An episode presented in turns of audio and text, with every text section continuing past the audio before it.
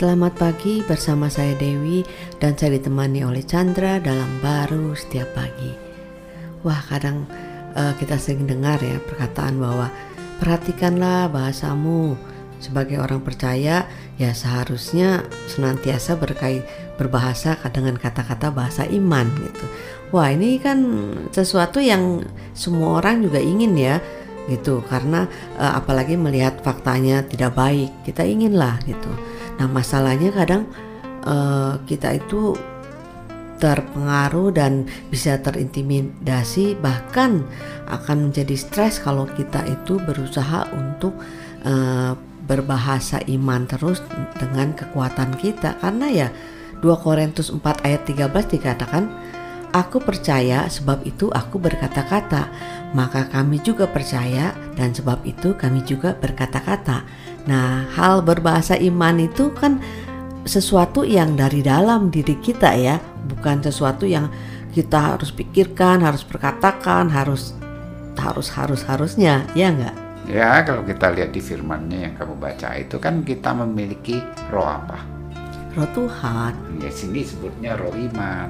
Amin. Ya sehingga kalau roh iman itu kehidupan iman ya, Betul. ya melalui Kristus Yesus. Hmm. Sebenarnya kehidupan kita itu bukan hidup percaya ya, hidup kita itu melihat kan tanpa hmm. Kristus kan. Yes. Nah, tapi karena kita melihat menerima Kristus, hidup kita itu walaupun tidak melihat secara mata uh, jasmani, jasmani kita, tapi ada yang tidak kelihatan namun kekal. Hmm. Nah, itulah hidup percaya kita kepada Dia yang setelah menebus kita sehingga kita bisa masuk kepada kehidupan yang baru ini hmm. melalui Kristus. Yes. Sehingga kita punya bahasa ya bahasa iman ya. Hmm. Kadang-kadang orang kan heran ya kata sakit disuruhnya dibilang percaya sudah sembuh.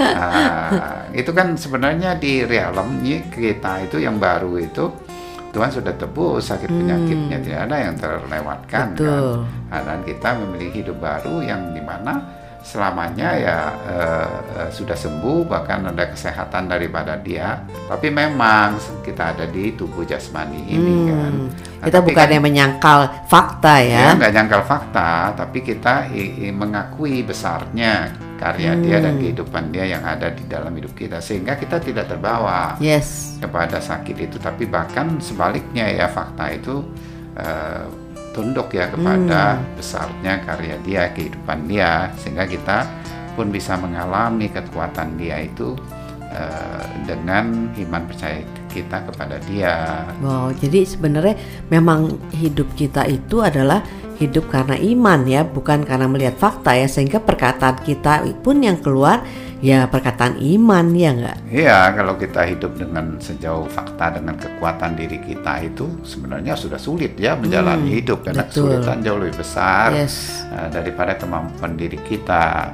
Nah, Tuhan tahulah itu bahwa kita nggak bisa, maka itu dikatakan daging itu lemah, hmm. maka yes, itu dia yes. terus dia sebagai yes. manusia turun sebagai manusia yang lemah, bukan uh, dia nggak mengerti kelemahan kita, dia ingin menebus. Yes. Sekalipun Amin. itu sangat sulit dan, dan uh, mengakhiri ya uh, satu adanya kematian gitu yes. gitu kan.